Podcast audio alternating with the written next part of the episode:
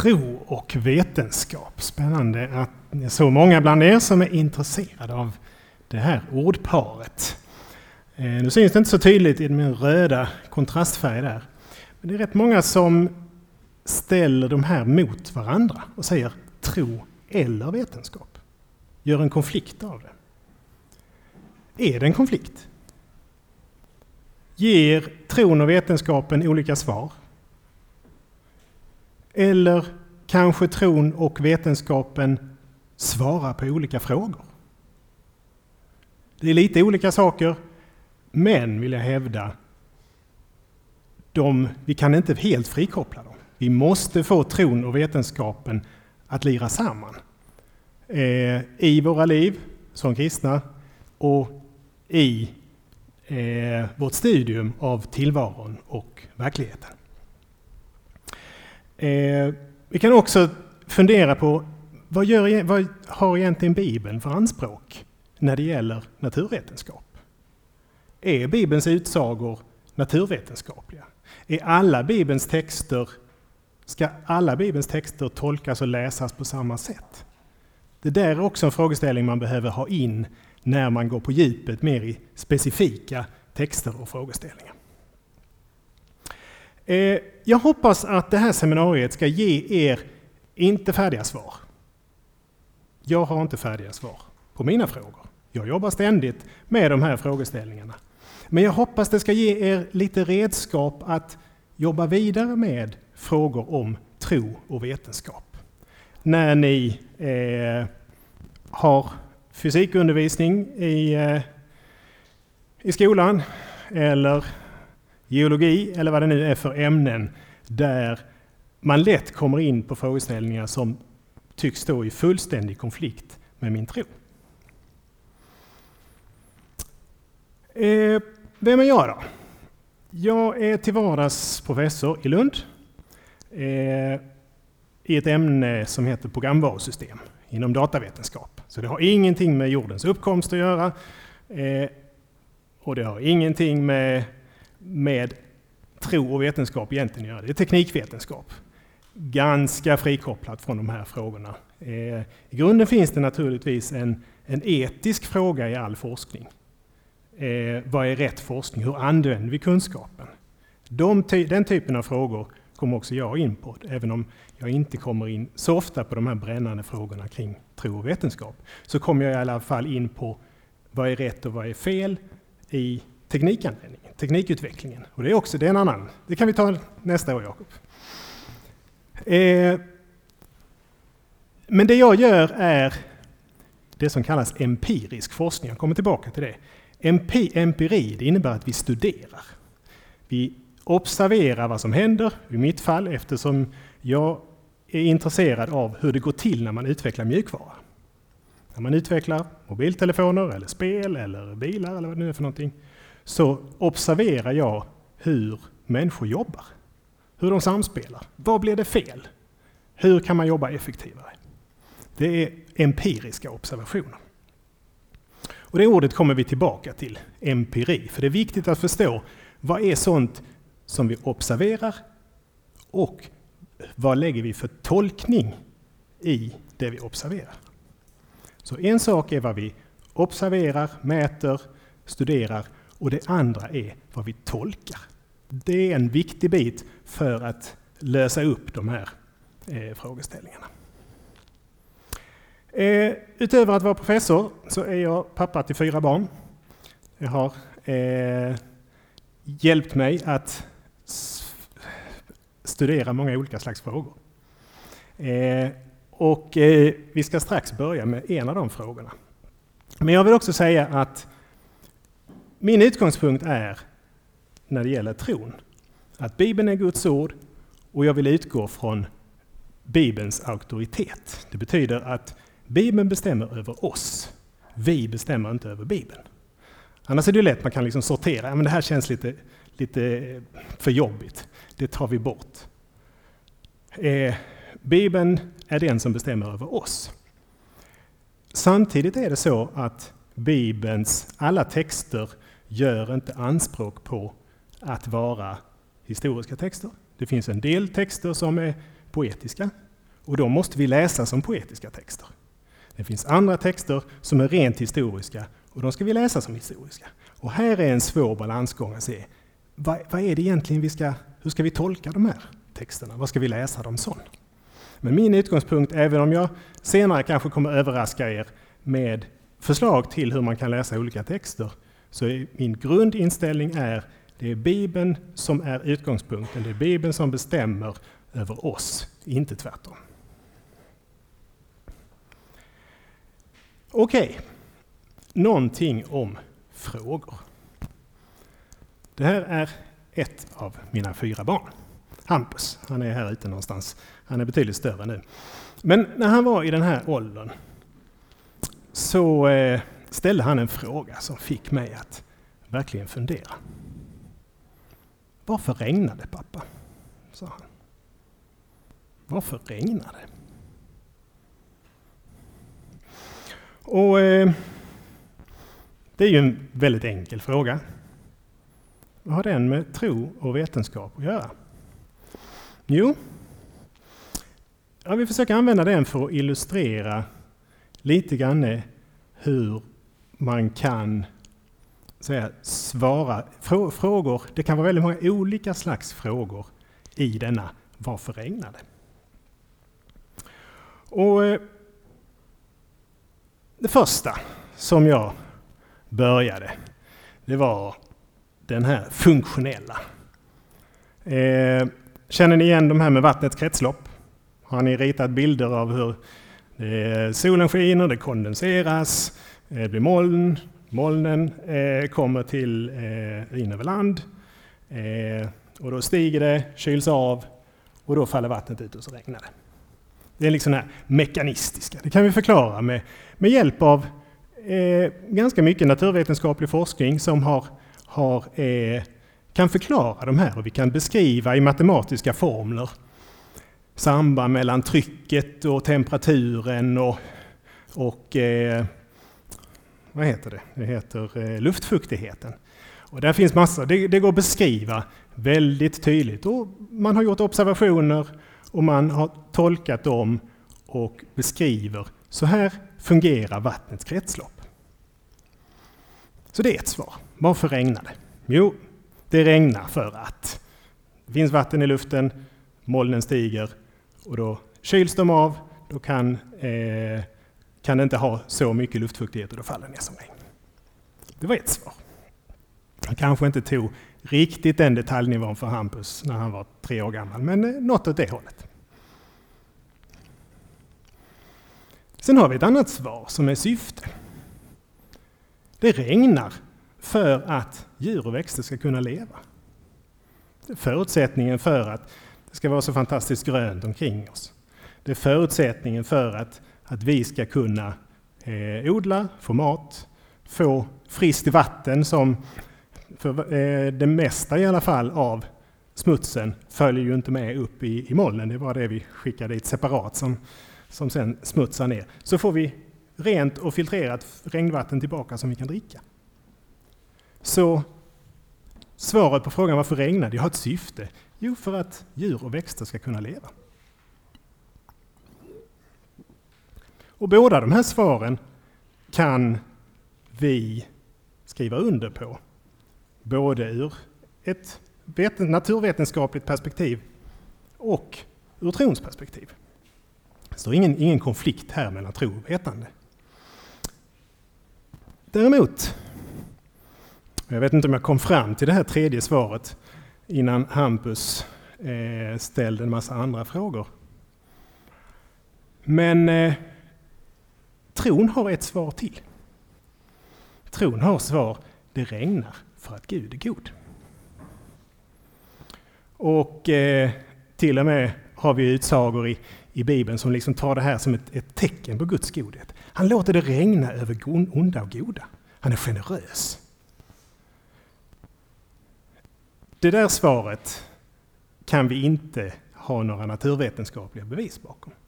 Där är vi inne på trons område helt och hållet. Men vi ser att det regnar vi vet vem Gud är och vi kan tacka Gud för att han är god och låter det regna. Sen kan vi också tacka Gud för att han låter det sluta regna ibland så vi kan, kan gå ut. Men det här är ett exempel på en fråga som vi kan ställa och som man kan svara på olika sätt. Man kan lägga olika saker, olika eh, nyanser i den här frågan. Eh, och man kan svara på lite olika sätt. Så, och då finns här liksom en skala från det som är liksom rent naturvetenskapligt, så här fungerar det. Ett svar som handlar om då, men vad, vad, vad, vad, ska det här vara bra för? Och det tredje, vi har en fråga om ett, ett ursprung. Vem ligger bakom detta? Det, är det ren slump att det regnar? Är det ren slump att vattnets egenskaper är precis så perfekta som de är? Till exempel att vattnets densitet är som störst vid plus 4 grader. Har ni funderat på det? Visste ni om det? Det gör att faktiskt fiskar, det är klart här i Skåne bottenfryser inte sjöarna, men lite längre norrut, där, där eh, det fryser, där vi kallare längre tid under vintern, då hade ju inte vattnet börjat frysa från ytan, utan från botten istället. Om, om, om eh, det frusna vattnet hade haft störst densitet, då hade det börjat frysa från botten. Det hade inte varit så kul för fiskarna. De hade bara överlevt en vinter. Men tack vare att vattnets densitet faktiskt är eh, som, som högst vid fyra grader, så sjunker det vattnet ner. Och där kan fiskarna överleva en massa noll eller kallare is ovanpå. Små vittnesbörd om att det är oerhört mycket i skapelsen som måste fungera på visst sätt eh, för att det ska fungera så som det gör. Okej, okay. det här var lite en bakgrundsfråga. Om vi nu, eh, nu hade jag tänkt att jag ska prata lite om själva ordet tro. Eh, och ni får gärna avbryta mig och säga nu blir det för krångligt här professorn. Eh, och så ska jag försöka förklara det lite tydligare. Eh, är det så att ni vill diskutera, debattera, så kan vi ta det någon replik. Men blir det för mycket en till en diskussioner så blir det inte så kul för de andra. Då tar vi dem efteråt. Men var inte rädda för att ställa, säga att nu blir det för krångligt. För det är så, är det, ni, behöver, ni behöver inte känna er ensamma med den frågan. Är det en som tycker att det är för krångligt så är det säkert minst tre andra som tycker likadant. Okej. Okay. Ordet tro. Och det där första ordet, etymologi, det handlar alltså om, det är, betyder ordets ursprung. Var kommer det här ordet ifrån? Och eh, när vi i dagligt tal använder ordet tro, så är det ganska ofta den där osäkerheten. Jag gissar. Jag tror jag ska hinna dit. Eller, jag tror jag la mina nycklar där. Eller, eh, jag är inte säker, men jag tror att det är alltså en, en, en osäkerhet som vi uttrycker. Och det är ju många som vill ställa den betydelsen av tro mot vetenskap. Och det är klart, då förlorar tron nästan alltid. Det är gissningar, det är antaganden. Eh, även inom, inom eh, vetenskapen och forskningen så har vi hypoteser. Vi sätter upp antaganden, men sen prövar vi om de håller. Och tänker man så då att tro är antaganden som ännu inte har visat sig falska, det är klart, då förlorar tron. Men det finns en helt annan ursprung, ett annat ursprung kring ordet tro. Här har jag klippt ur en gammal ords, ordbok från 1960, så det är en massa konstiga eh, saker om isländska och så vidare. Men det som eh, den här ordförklaringen vill, vill visa är att tro kommer från en helt annan ordstam som handlar om trohet, trofasthet. Eh, det handlar om tillit, att lita på. Så när vi talar om tron i kyrka, i undervisning, så är det inte gissning, utan det är tillit, det är trofasthet. Ja.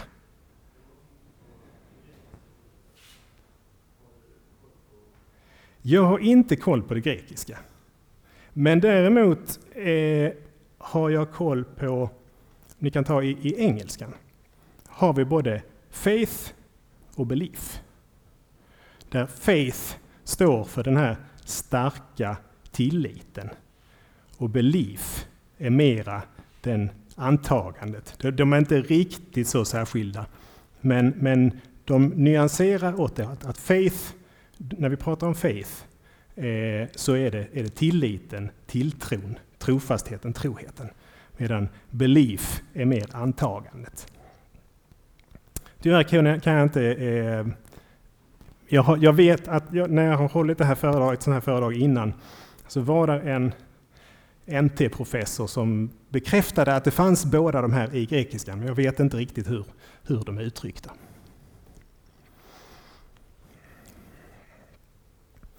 Eh, och när Bibeln pratar om tro, så är det denna tillitsfulla, den fasta, trygga betydelsen.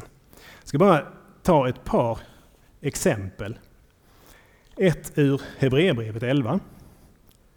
Tron är grunden för det vi hoppas på. Den ger oss visshet om det vi inte ser.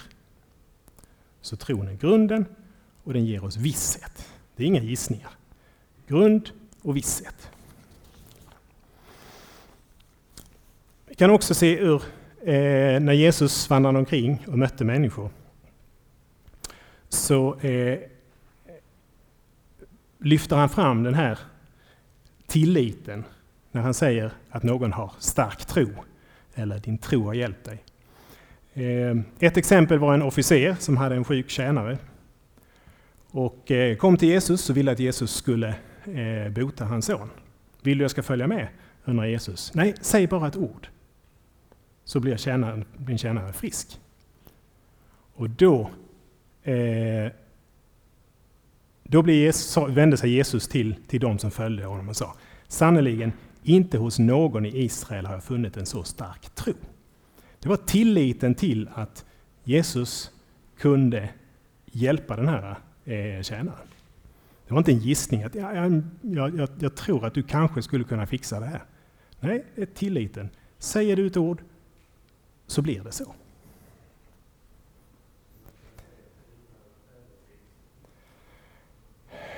Nu ska vi se, övertygelse.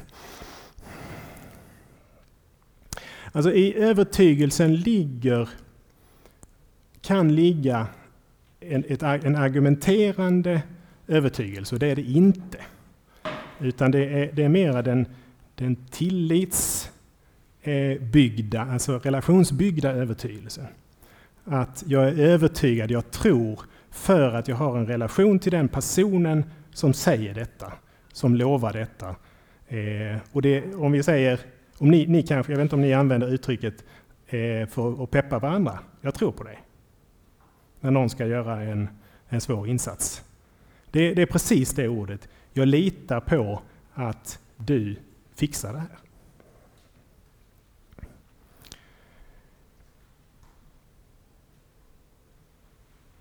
Sen om vi också läser i, i Bibeln om det här att tro och att se, så finns det faktiskt en del ställen där det talas om en motsättning. Eh, och då är det tron som lyfts fram som föredömet, inte att se. Eh, I sammanhanget där eh, när Jesus hade uppstått och Thomas en av hans lärjungar inte var med första veckan, första träffen, utan först en vecka senare fick han möta Jesus. För han, eh, han trodde inte på sina lärjungakollegors vittnesbörd. Han ville se själv. Och då säger Jesus, du tror, när han sen möter Thomas senare och Thomas verkligen får synbarligen upp, eh, övertyga sig om att Jesus lever. Så säger Jesus, du tror därför att du har sett mig. Saliga de som inte har sett, men ändå tror. Så i, i gudsrelationen så lyfts tron fram som det starka föredömet. Ska vi se lite senare om det är ett generellt eh, hur vi ska hantera den här eventuella motsättningen mellan att se och att tro. Eh, en annan sida av det här med att se tar Jesus upp när han berättar eh, en liknelse om en rik man och Lazarus. Kommer ni ihåg den? Några som kommer ihåg berättelsen om den rike mannen och Lazarus. Lazarus var en tiggare. De har vi ju tyvärr fått vänja oss vid att de sitter utanför ICA-butikerna i, i, i, där hem, hemomkring. Lazarus var en sån tiggare som satt utanför en rik mans dörr. Och han var glad om han fick några smulor ifrån den rike mannens bord. Och eh, så berättar Jesus då den här berättelsen att eh, Lazarus dog och blev tagen till Abrahams sköte, till hans egen närhet. Och den rike mannen dog också och kom eh, till dödsriket. Och så utspelas en dialog i den här liknelsen. Vi har nog att anta att det är en liknelse, det är inte en, en sann berättelse. Så säger den här rike mannen nu som insåg att han var lyckligt lottad i livet, men han hade missat huvudpoängen i livet. Så ropar han och säger Sänd någon, sänd Lazarus till mina bröder så att inte de också drabbas av samma elände som jag. Och då svarar Jesus, jag tar det till så jag inte... Om de inte lyssnar till Mose och profeterna. De, han säger, Jesus säger alltså, de har bibel, det som var judarnas bibel, Mose och profeterna. Om de inte lyssnar till Mose och profeterna så låter de sig inte övertyga sig ens om någon står upp från de döda. Så även ett, ett sådant under att någon står upp från de döda är inte säkert att det är tillräckligt för att övertyga någon. För man behöver ha en öppenhet för att det faktiskt finns en andlig dimension. Att det finns en andlig värld. Jag kommer tillbaka lite till det när eh, vi pratar om vad är faktiskt mätbart? Vad kan naturvetenskapen svara på? Och vad kan naturvetenskapen inte svara på?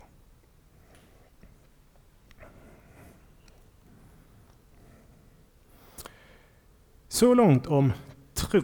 Någon fråga om det här? Hänger ni med i värmen? Bra. Då tar vi nästa ord. Vetenskap.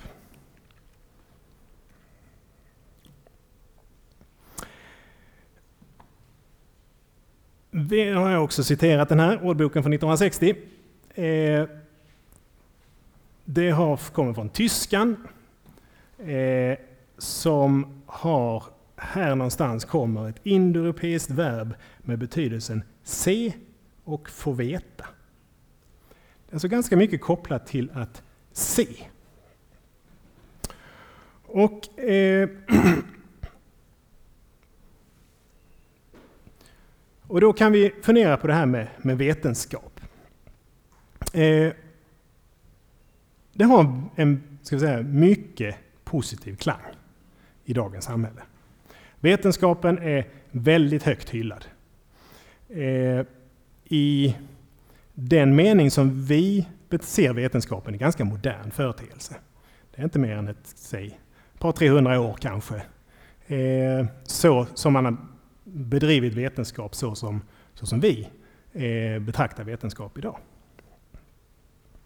Eh, vi eh, litar på att vetenskapen ska kunna bota sjukdomar, lösa eh, fattigdomsproblem, eh, lösa energiproblematiken och så vidare. Och så vidare. Vi ställer väldigt höga förväntningar på vetenskapen.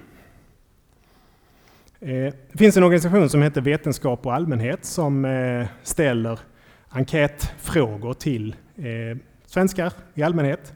Gör det årligen. Jag tror det är 8-9 tusen svenskar som får de här frågorna. Och så frågar man eh, om du har förtroende för forskare. Och eh, det är, har länge legat kring 70-80 procent har högt eller mycket högt förtroende för forskare. Det finns en väldigt stor tillit. Eh, jämför man till exempel politiker, jag kommer inte ihåg exakt på den skalan, men, men när det gäller politiker så kanske det ligger på 30 procent eller någonting. Så själva forskningsbegreppet och förväntningarna på forskarna är oerhört stora. Ur vetande så är, ska vi kunna lösa tillvarons problem. Och kanske också eh, lösa tillvarons gåtor. Var kommer vi ifrån? Vart är vi på väg?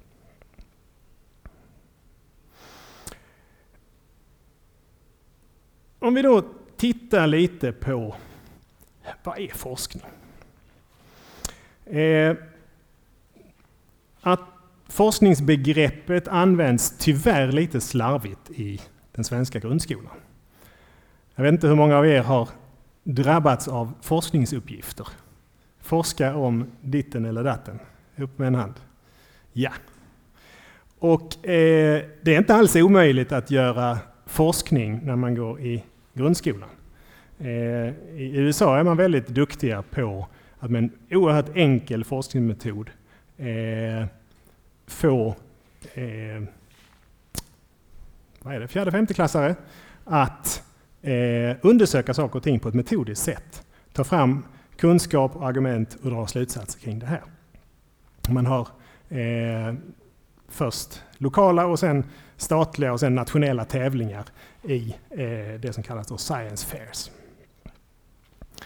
Men eh, när, vi, när jag som forskare då pratar om forskningsmetoder, hur bedriver man forskning? Så eh, ni behöver inte kanske så mycket hänga er uppe på begreppen, men ni ska veta att det finns olika sätt att göra forskning. Och forskning är oftast en kombination av de här sätten.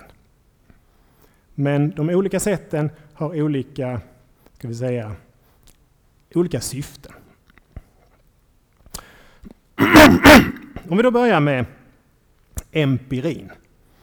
Då observerar vi, då studerar vi, vi mäter, vi samlar in data. Eh, empiri, ordet empiri kommer då, det är det som kommer av att, att eh, se, mäta, observera. Eh, empirin kommer från eh, började redan på 1200-talet. Thomas av Aquino, som eh, en filosof, som, filosof och teolog som, som eh, egentligen jag säga, knöt ihop de gamla grekerna med den kristna tron på gott och ont. Kan man säga. Eh, han var en slags empiriker, han observerade. Men på den tiden så eh, gjorde man både så att säga inter, interna och externa observationer. Man observerade runt omkring sig, men man observerade också och försökte hur, hur funkar jag själv? Och där ser vi empiriska forskare idag annorlunda på det, att så att säga, jag kan inte bli tillräckligt oberoende av mig själv för att kunna säga att jag fungerar på det här sättet. Då behöver jag någon annan som observerar mig, mitt beteende. Men observationerna är centrala. Det kan handla om att observera människors beteende. Det kan handla om att observera vattnets kretslopp. Det kan handla om atomens eh, innersta eh, funktioner och, och eh, mekanismer.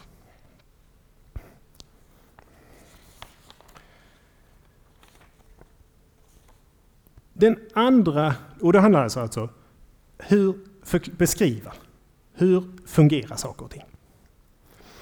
Den andra gruppen, den analytiska, då resonerar vi kring fenomenen. Det kan vara utifrån våra observationer eller kan det vara utifrån tidigare kunskap. Matematik är kärnan i den analytiska forskningen. Man kan bevisa saker och ting eh, utifrån ett antagande, arbeta vidare med det här antagandet och visa samband eller visa eh, eh, egenskaper hos fenomen. Eh, och eh, den här analytiska forskningsmetoden har en väldigt viktig koppling till den judisk-kristna kultursfären. Och det är något som kallas tvåvärd logik.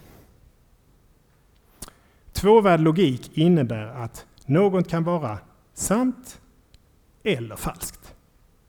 Inte både och. I alla fall inte samtidigt. Och det är ett oerhört centralt och viktigt, för, viktigt eh, här, grund för att man överhuvudtaget ska kunna säga något. Eh, hur det fungerar, vad som existerar, vad som är sant eller inte.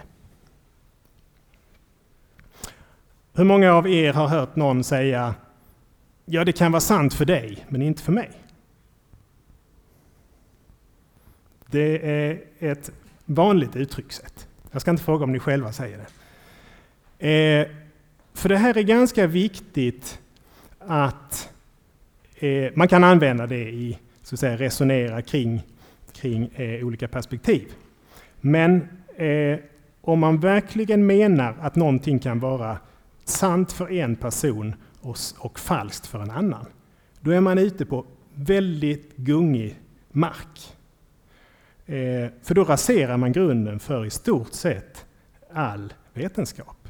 I alla fall all analytisk vetenskap. Eh, det finns någonting som kallas postmodernister eh, som fört fram det här resonemanget att just att, att sanningen är relativ. Eh, att man inte kan, och det är klart det finns, det finns saker och ting som man inte kan avgöra om det är sant eller falskt. Men eh, det är väldigt viktigt för kunskapsbyggandet att det är både eh, antingen sant eller falskt. Och det här är någonting som kommer från den judisk-kristna kultursfären. Det ska vi vara stolta och lyfta fram när eh, tron eh, kan kritiseras från ett, ett eh, naturvetenskapligt håll.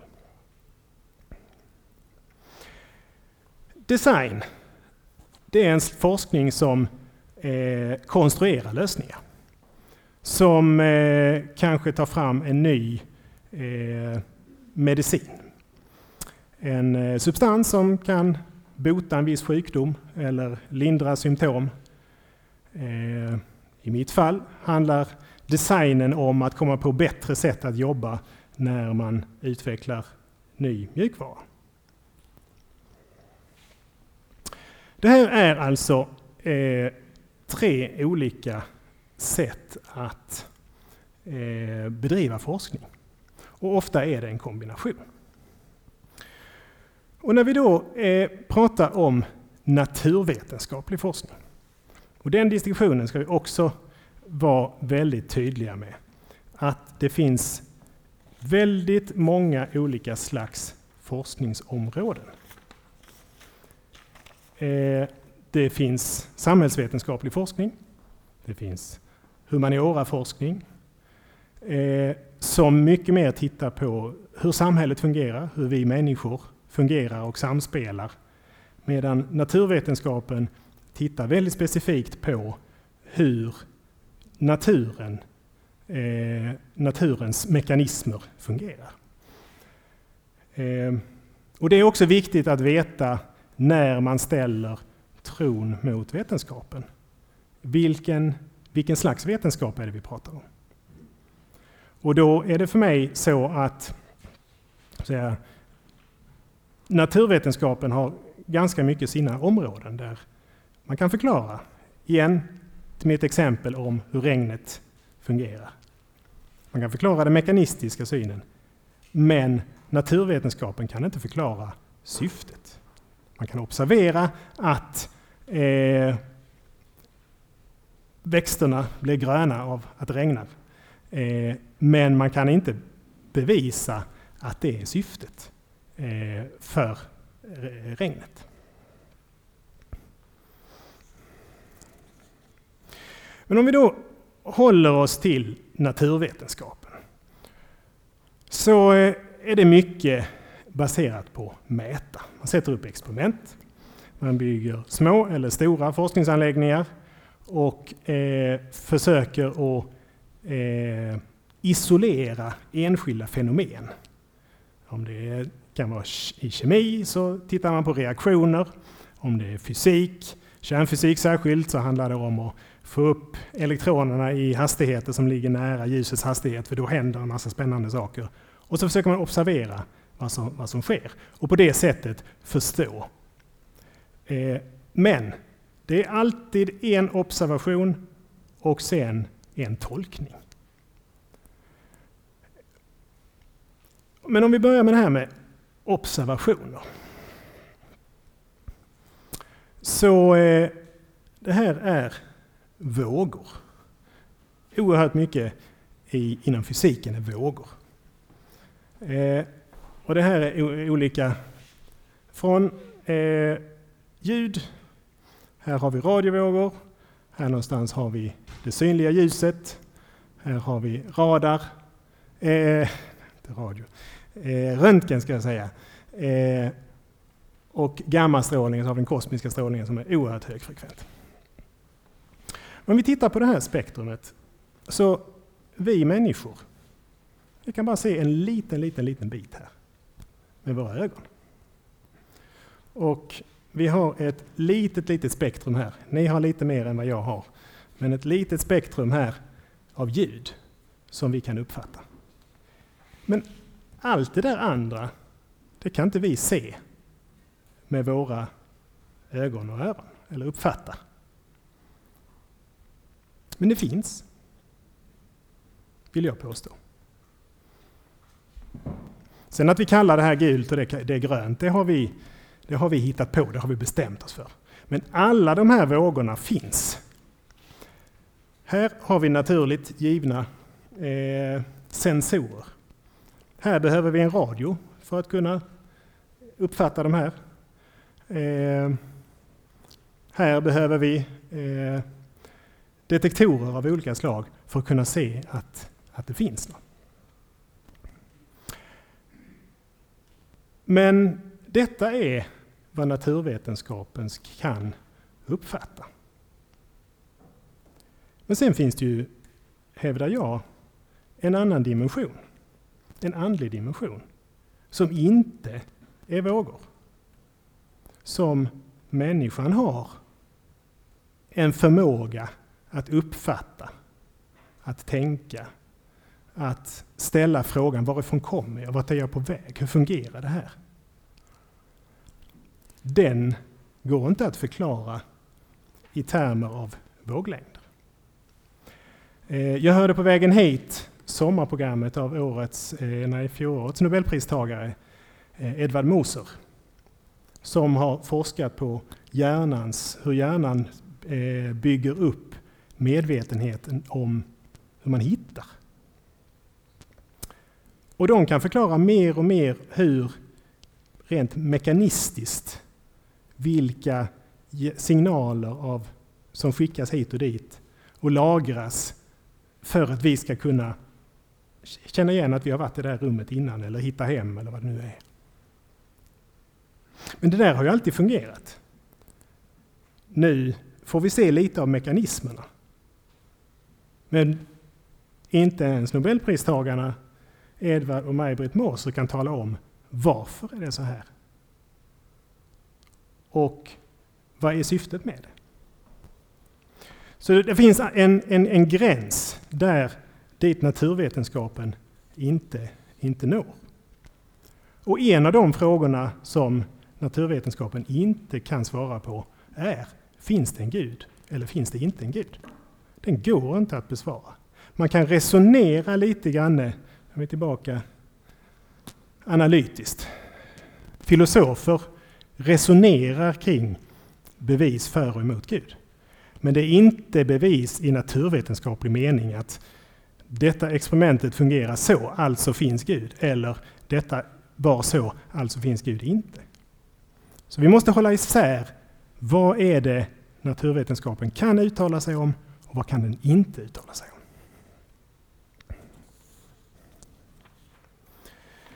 Eh, sen är det också så att forskningen förändras ju hela tiden.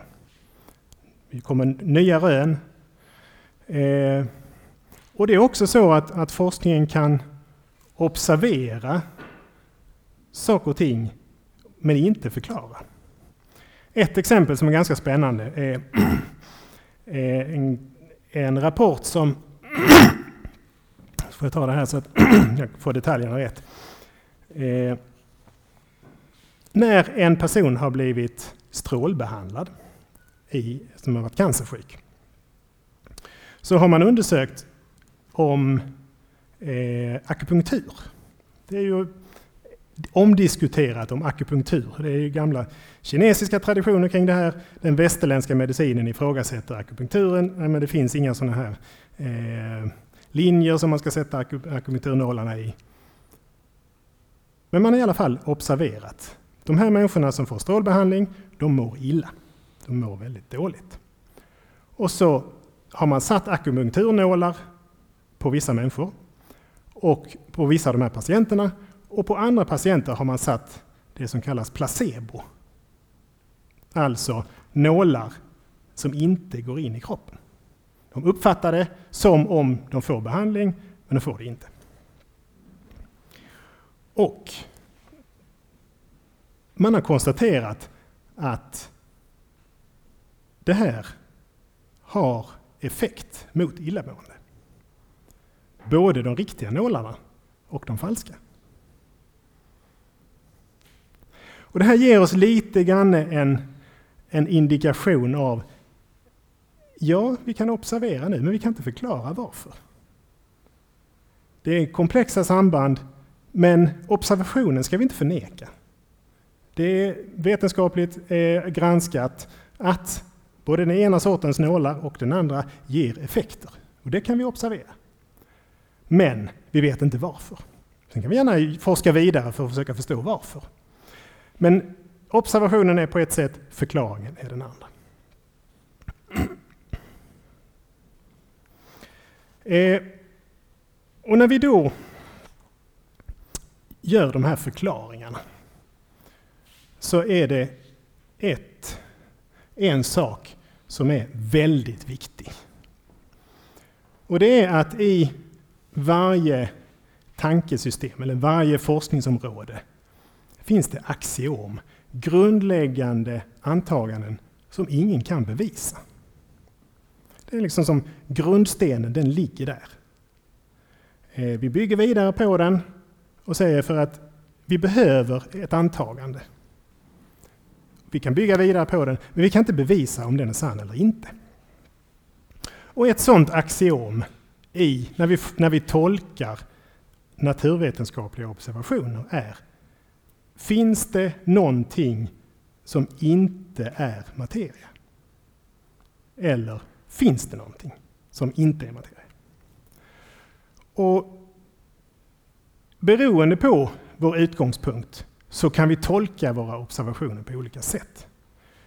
Tolkar vi våra observationer om hur eh, till exempel geologiska observationer utifrån antagandet att jorden har kommit till helt utan någon medveten viljekraft.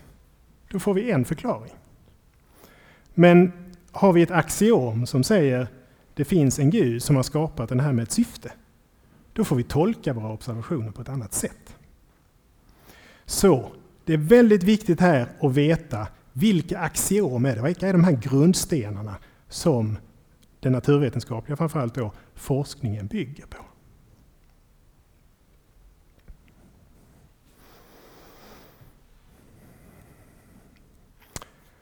Är ni med? Några frågor? Nej, allt glasklart. Då har jag alltså pratat om vad tron var, vad det här med den fasta tilliten, inte gissningarna. De finns där också. Men framförallt är det den fasta tilliten vi pratar om. Om vetenskapen som handlar om att observera men också om att tolka observationerna.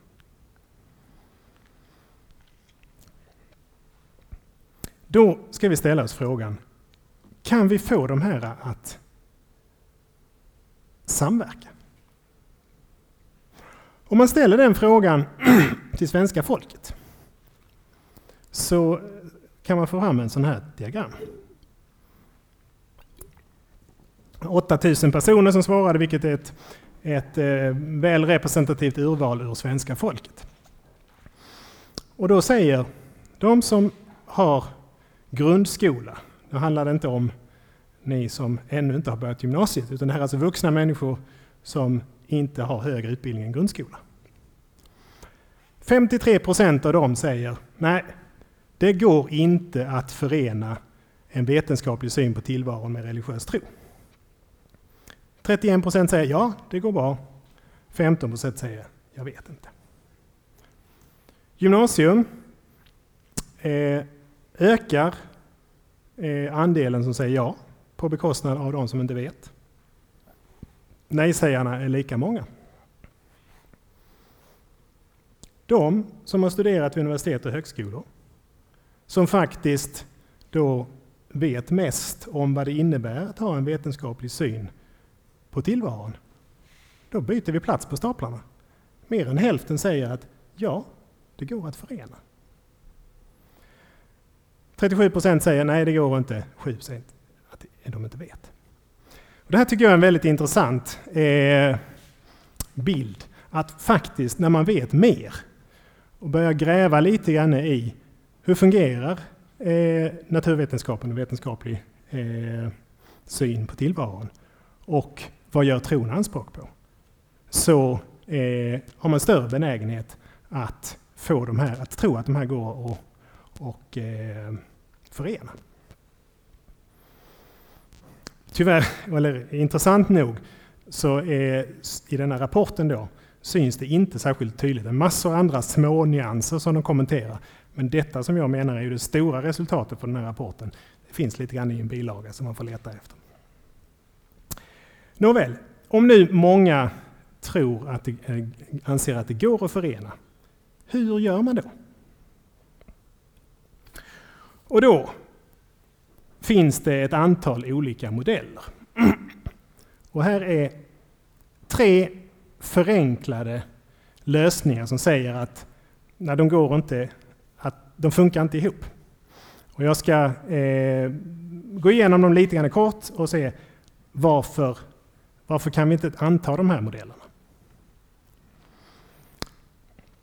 Det första då att vetenskapen utesluter tron. Eh, då är det allt eh, i så fall att bara det man kan mäta och eh, observera med så här, fysikaliskt, det är bara det som existerar. Eh, men det håller inte. Eh, för att också antagandet att Gud inte finns är ju ett antagande. Vi kan aldrig bevisa frånvaron av en Gud. Vi kan aldrig bevisa eh, att eh, att det inte finns något icke-materiellt. Och dessutom säger ju vår egen erfarenhet, den mänskliga erfarenheten, att det finns så mycket. Vad är kärlek? Vad är sorg? Vad är glädje? Är det bara några nervimpulser som vi bestämmer att vi ska tolka på det här sättet? Människans tillvaro är för, för bra på det sättet för att vi verkligen ska vara helt övertygade om att det är ren, ren slump. Alla tider, även, även i, i vår tid, eh, så ser vi att, att de uttalade ateisterna har svårt att leva efter det, den, det antagandet att det inte finns någonting mer än det materiella.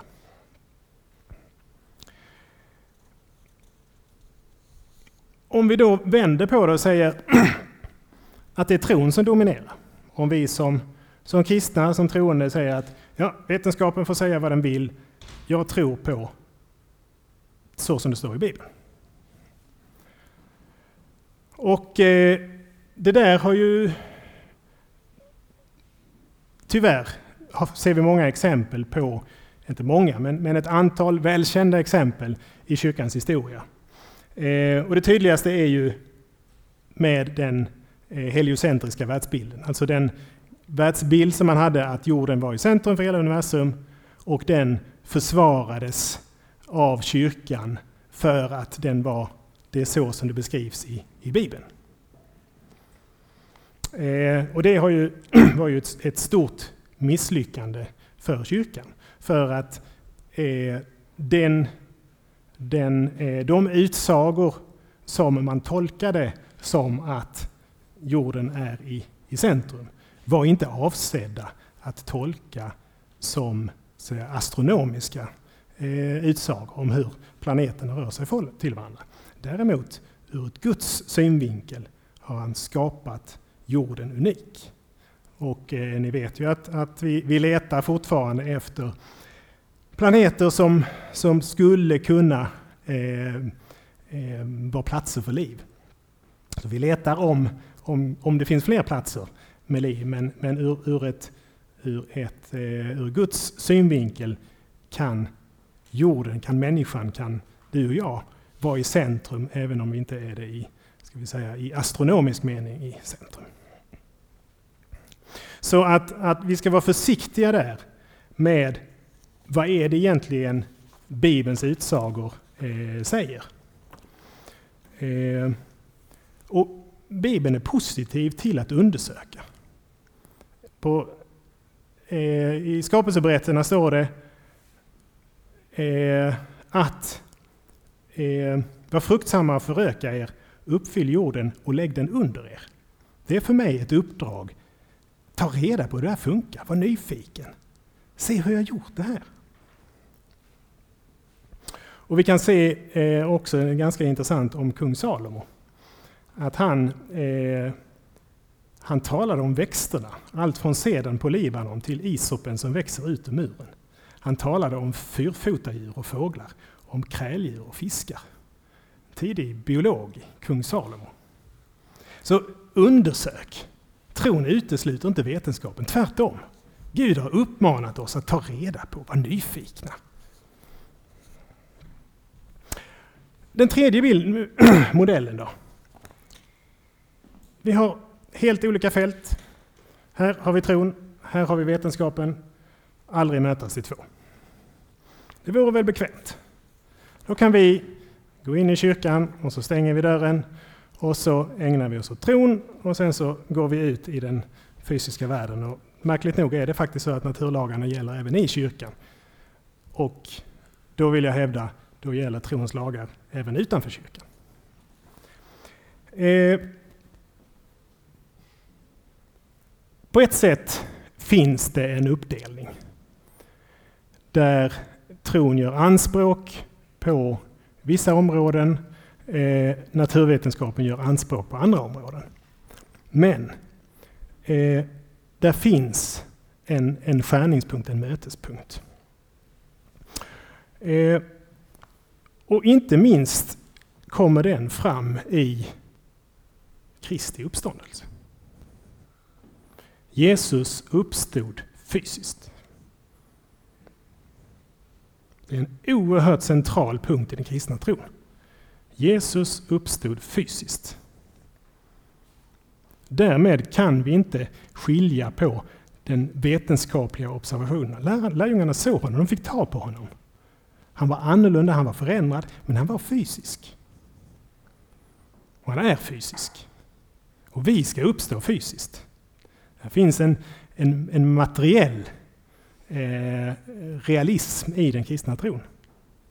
Så vi kan inte skilja ut de här. Men hur gör vi då för att kombinera dem? Mm. Det som man gjorde när, som, som en del tänker är att det finns, om det här är det område som det finns kunskap om.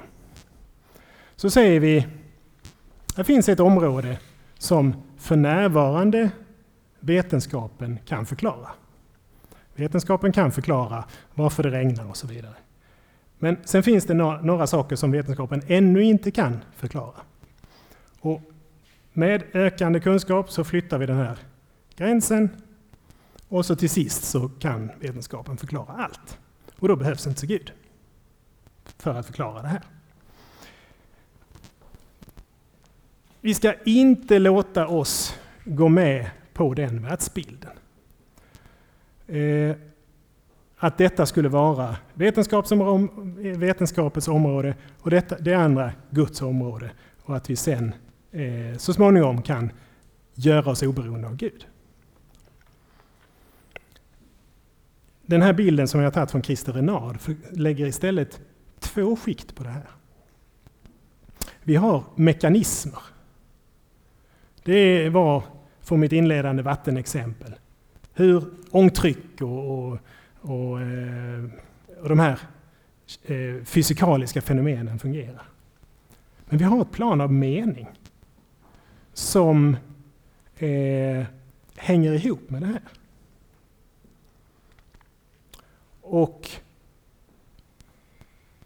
då gör det ingenting om vetenskapen fyller ut det här. Det tror jag aldrig vetenskapen kommer göra.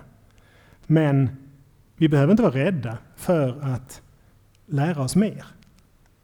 För här finns, här finns ett plan av förståelse, av mening som naturvetenskapligt inte kan förklaras. Sen är det kanske mer ett område för eh, humanioraforskningen som försöker förstå hur människor tänker och resonerar. Hitta likheter mellan olika, eh, olika sätt att resonera och så vidare. Så eh, det här andra skiktet, det är det som tron eh, framförallt eh, rör sig i. Och som jag sa, Kristi uppståndelse går igenom båda. Mekanismen, Jesu kropp, är uppstånden. Och det finns en tydlig mening i eh, Kristi uppståndelse.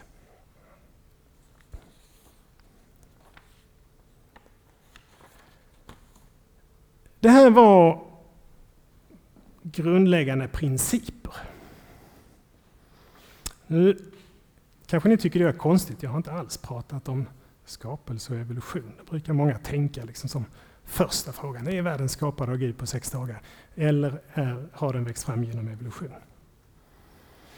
Eh, men jag ska komma in till det nu, ta tre olika exempel på mer konkreta frågeställningar. Eh, och kanske lite hjälp hur man kan resonera. Och igen, jag har inga färdiga svar. Men eh, kan jag hjälpa er att, att få lite grann verktyg för att tänka vidare kring det här så ska, vi, ska ni få dem nu.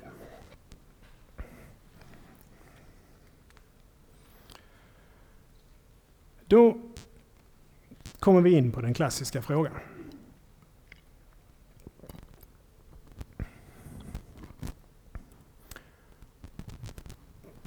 Och om vi då ställer frågan, vad tror vi egentligen?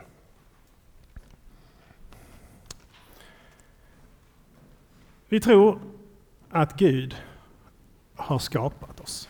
Gud har skapat världen. Och, vilket är väldigt viktigt att koppla ihop med det här, är att människan har fallit. För om vi säger att Gud har skapat världen som den ser ut idag, då hade Gud varit ond. Så det är väldigt viktigt att knyta ihop ur, ett, ur trons synvinkel att den skapelse som kommer ur Guds hand är inte den vi kan se idag. Vi kan se väldigt mycket gott eh, och det tolkar vi som spår av Guds godhet. Men vi ser också väldigt mycket ondska. Och det kan vi inte tolka som att det kommer från en god Gud i grunden. Så därför behövs båda de här. Vad säger naturvetenskapen? Ja, naturvetenskapen kan observera. Man kan göra kol-14-mätningar av eh, eh, biologiskt material. Man kan eh, mäta radioaktiva isotoper i eh, berggrundsmaterial. Eh, man kan, om vi går över biologin, så kan vi observera mikroevolutionen.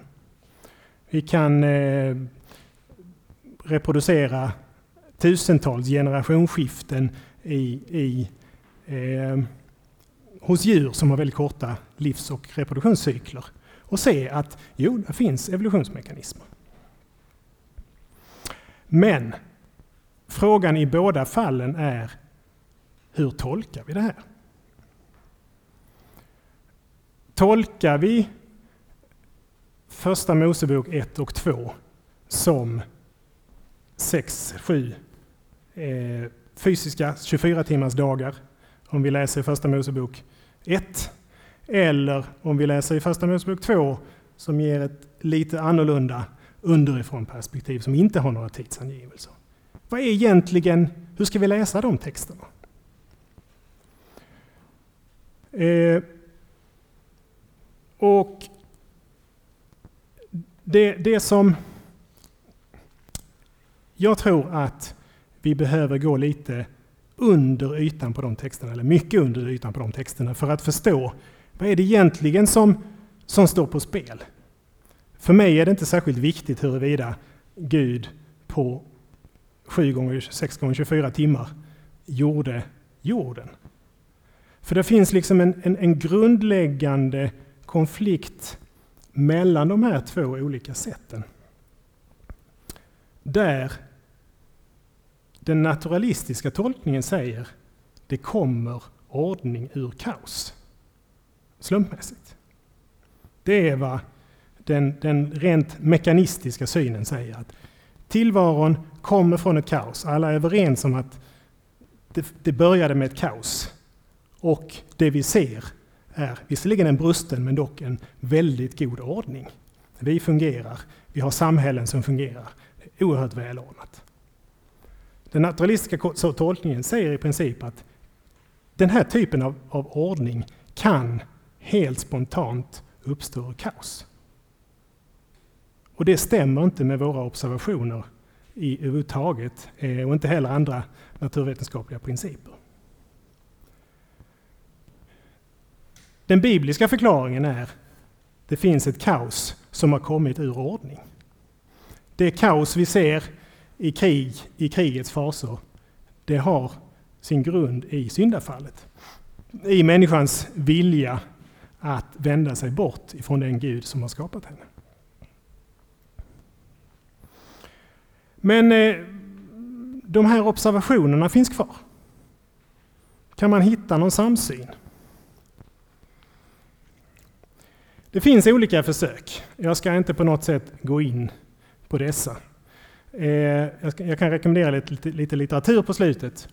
Där eh, en modell är att se mikroevolutionen som Guds redskap.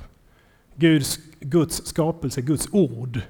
Någon, eh, den här boken kan jag faktiskt göra reklam för redan nu. Eh, John Lennox Guds dödgrävare eh, tar upp tankeexperimentet, han säger inte att, att det är så, att i begynnelsen var ordet. Det ordet är DNA-sekvensen som eh, karaktäriserar människan. Det är ett sätt att se på det. Ja. Mikro är bra, jättebra. Alltså evolution är att eh, det sker slumpvis förändringar i, eh, i vår arvsmassa som gör att egenskaperna förändras.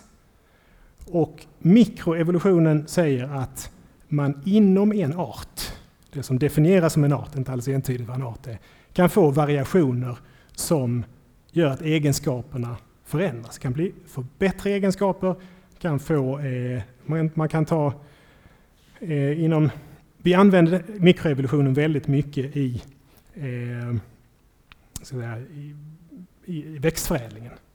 Att man, man slumpmässigt får man växter med olika egenskaper och så tar man de som kanske är mer frosttåliga och odlar längre upp i norr och så vidare.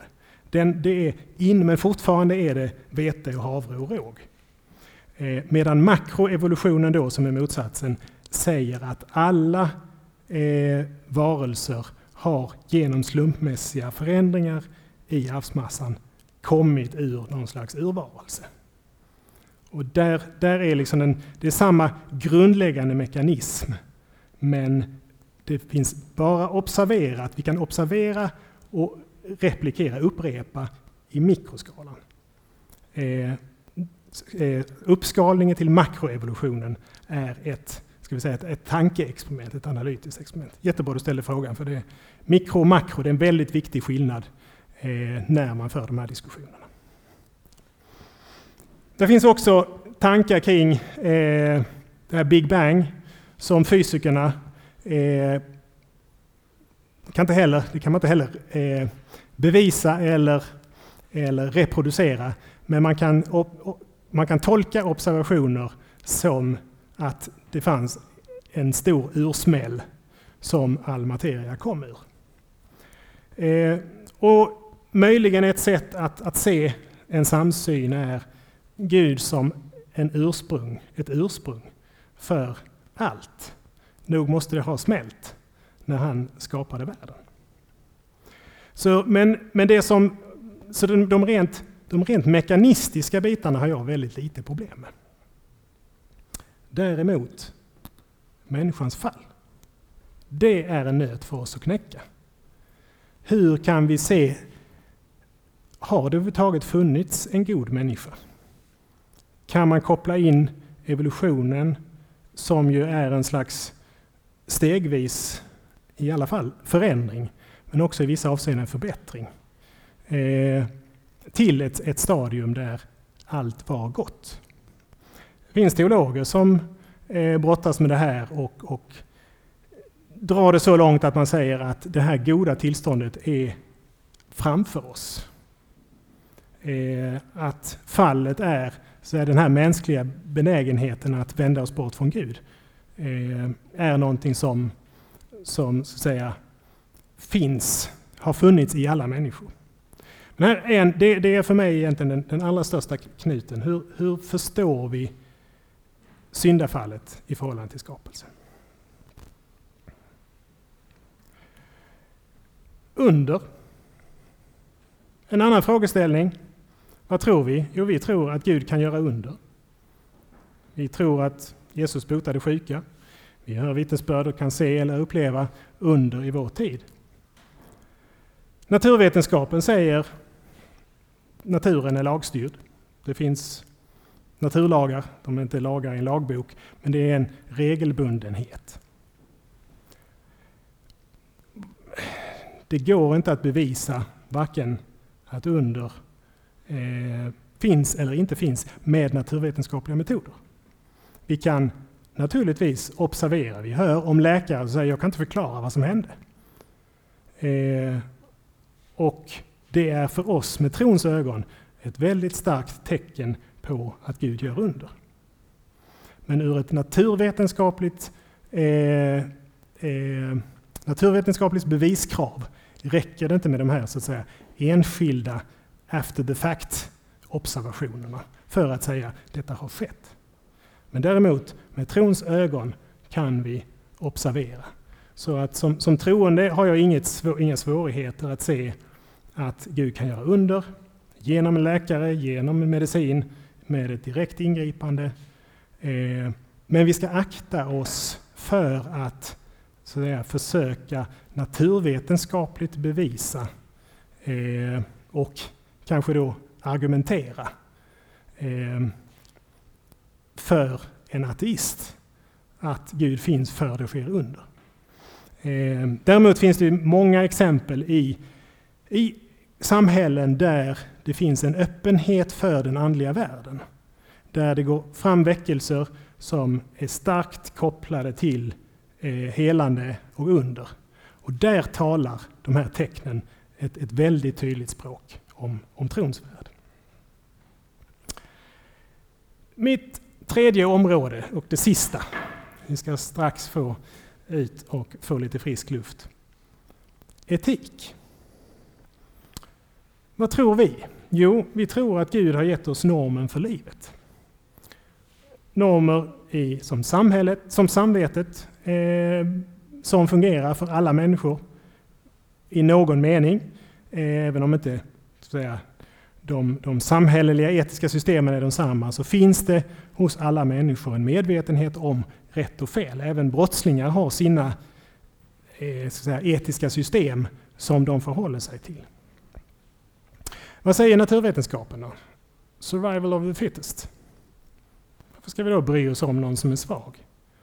Varför ska vi då eh, ägna pengar åt att eh, eh, ett, barn, ett, ett, barn som är fött i ja, 24 eh, veckan, graviditetsveckan, att, att ägna pengar och kraft att, att låta det leva. Det kommer ju fler. Vi, vi ser ju att de här eh, små allt har det här efter sig hela livet. Ska man gå på en strikt naturalistisk syn, synpunkt så finns det inga andra normer än det som är eh, bäst för helheten, vilket är att de starkaste överlever. Så här är en oerhört tydlig konflikt. Där Bibelns och trons syn stämmer mycket bättre överens med hur folk i allmänhet tänker, hur vi resonerar. Hur ska vi då hantera det här? Naturligtvis måste vi visa respekt och kunna samexistera.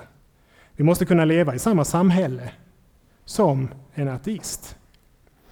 Eh, men samsyn når vi inte med den som har en etik som baseras på en rent naturalistisk eh, världsbild. Så,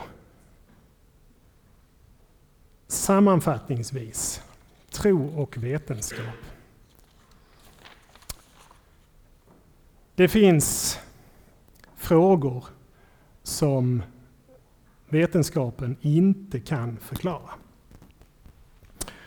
Och det finns diktare som har uttryckt det här på ett fantastiskt fint sätt. En av dem är Birger Sjöberg i sin dikt Frida i vårstädningen. Där hon, han skriver om den, den här kvinnan som han längtar efter. Hur hon i sin gärning så kan vara, denna gärning kall och praktiskt lagd. Vetenskapen söka må förklara, då jag själv står kärleksfullt försagd. Och här är området som vi, vi tystnar inför. Eh, eller vetenskapen tystnar. Kan inte förklara varför känner vi så här? Det är så fantastiskt. Varför ser det ut på detta sättet? Varför spirar det här? Och slutligen den store danske poeten Hans Christian Andersen. Det är förfärdeligt att blive så klok att man icke tror på vår Herre. Vill ni bli klokare? Läs. Eh, John Lennox, Guds dödgrävare, med underrubriken Har vetenskapen begravt Gud? Den eh, rekommenderar verkligen till studium, utgiven på Credoakademin. Eh, Stefan Gustafssons Kristen på goda grunder tar upp mer, ska vi säga, den, den eh, logiska, filosofiska sidan av eh, argument för kristen tro. Eh, är ni intresserade av skapelse och evolutionsfrågor? Eh, Mats Molén, eh, boken Vårt ursprung, är väl en av dem jag vill starkast rekommendera. Eh, rapporten som jag citerade med de här diagrammen kan ni hitta på nätet, Vetenskap att tro på. Och sen vill jag faktiskt rekommendera er att läsa en usel bok. Christer Sturmarks Tro och vetande. Den, hade den sänts in till en, en vetenskaplig granskning i ett annat ämne så dåligt skrivet så hade den blivit refuserad direkt. Jag har inte orkat läsa hela. Men jag köpte den, jag ville skapa mig själv en bild av vad är det för någonting. Eh, där är inga tunga argument, där är inte särskilt mycket logik. Däremot är han en, en duktig retoriker. Så han, han liksom spelar ett spel, så den är, den är, den är lurig att läsa. Man, ska, man måste läsa den med, med, med distans och mycket kritik. Men eh, var inte rädd för någon som argumenterar utifrån eh, Christer Sturmarks tro och vetande 2.0. Har ni läst Lennox, eh, Guds dödgrävare, så har ni många goda argument för tron eh, i samverkan med vetenskapen.